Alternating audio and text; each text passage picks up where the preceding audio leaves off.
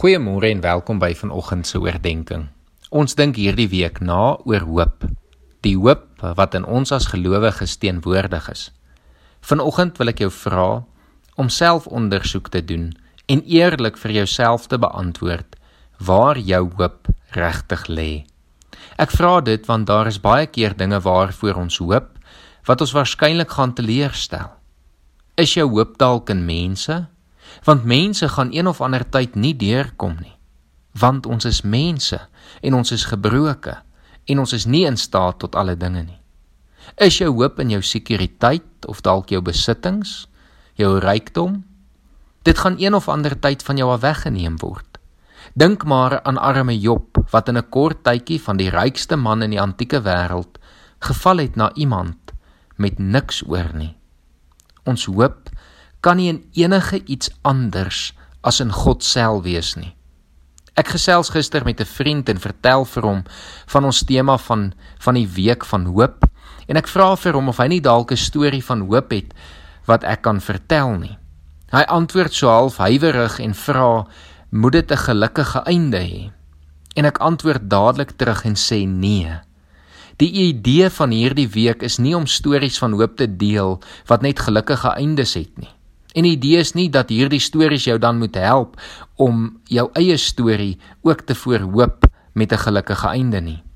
Indien dit is waarvoor ons hoop, is ons hoop nie op die regte plek nie.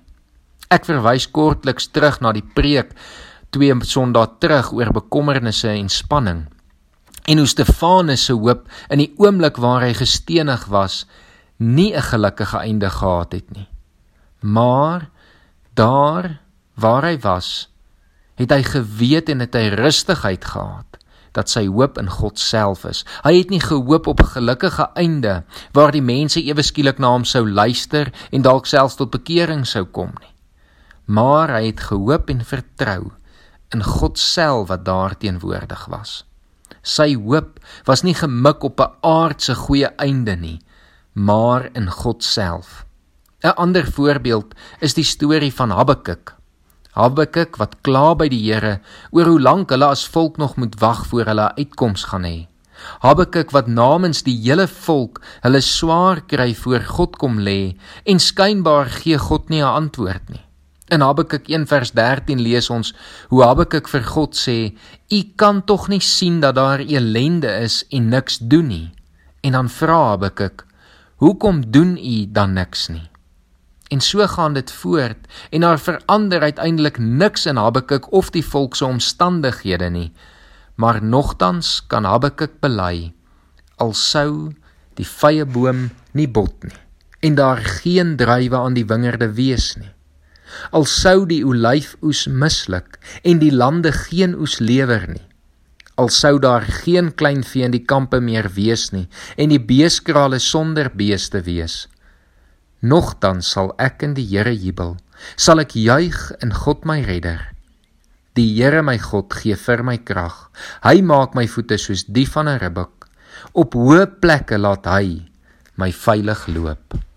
Op die ou einde moet ons besef dat ons hoop in God self is. Dat hy die een is wat vir ons krag gee. Dat hy die een is wat ons voete laat loop. En daarom hoop ons nie op 'n aardse einde nie. En dit is wat met Habakuk gebeur het. Hy het besef selfs al sou die aardse einde nie uitwerk nie, is ons hoop op 'n ewige heerlikheid, 'n ewige lewe saam met die Here. Is ons hoop gefestig en gegrond in God self en ons vertrou hom dat ons lewens veilig sal wees, selfs al het dit nie 'n aardse goeie einde nie. Kom ons bid saam. Here, dankie vir voorbeelde soos Habakuk en Stefanus en Job wat moeilike omstandighede moes deurgaan en waarvan hulle baie keer nie 'n goeie einde gehad het nie. En dat hierdie stories vir ons hoop kan gee, Here. Met die wete dat ons hoop nie in hierdie wêreld is nie, maar in U self. Here, dit is vir ons baie keer moeilik in ons menslikheid en daarom kom vra ons dat U ons sal help, Here. Help ons om regtig alleenlik ons hoop en ons vertroue in U self te plaas. Ons bid dit vanoggend in Jesus Christus se naam alleen. Amen.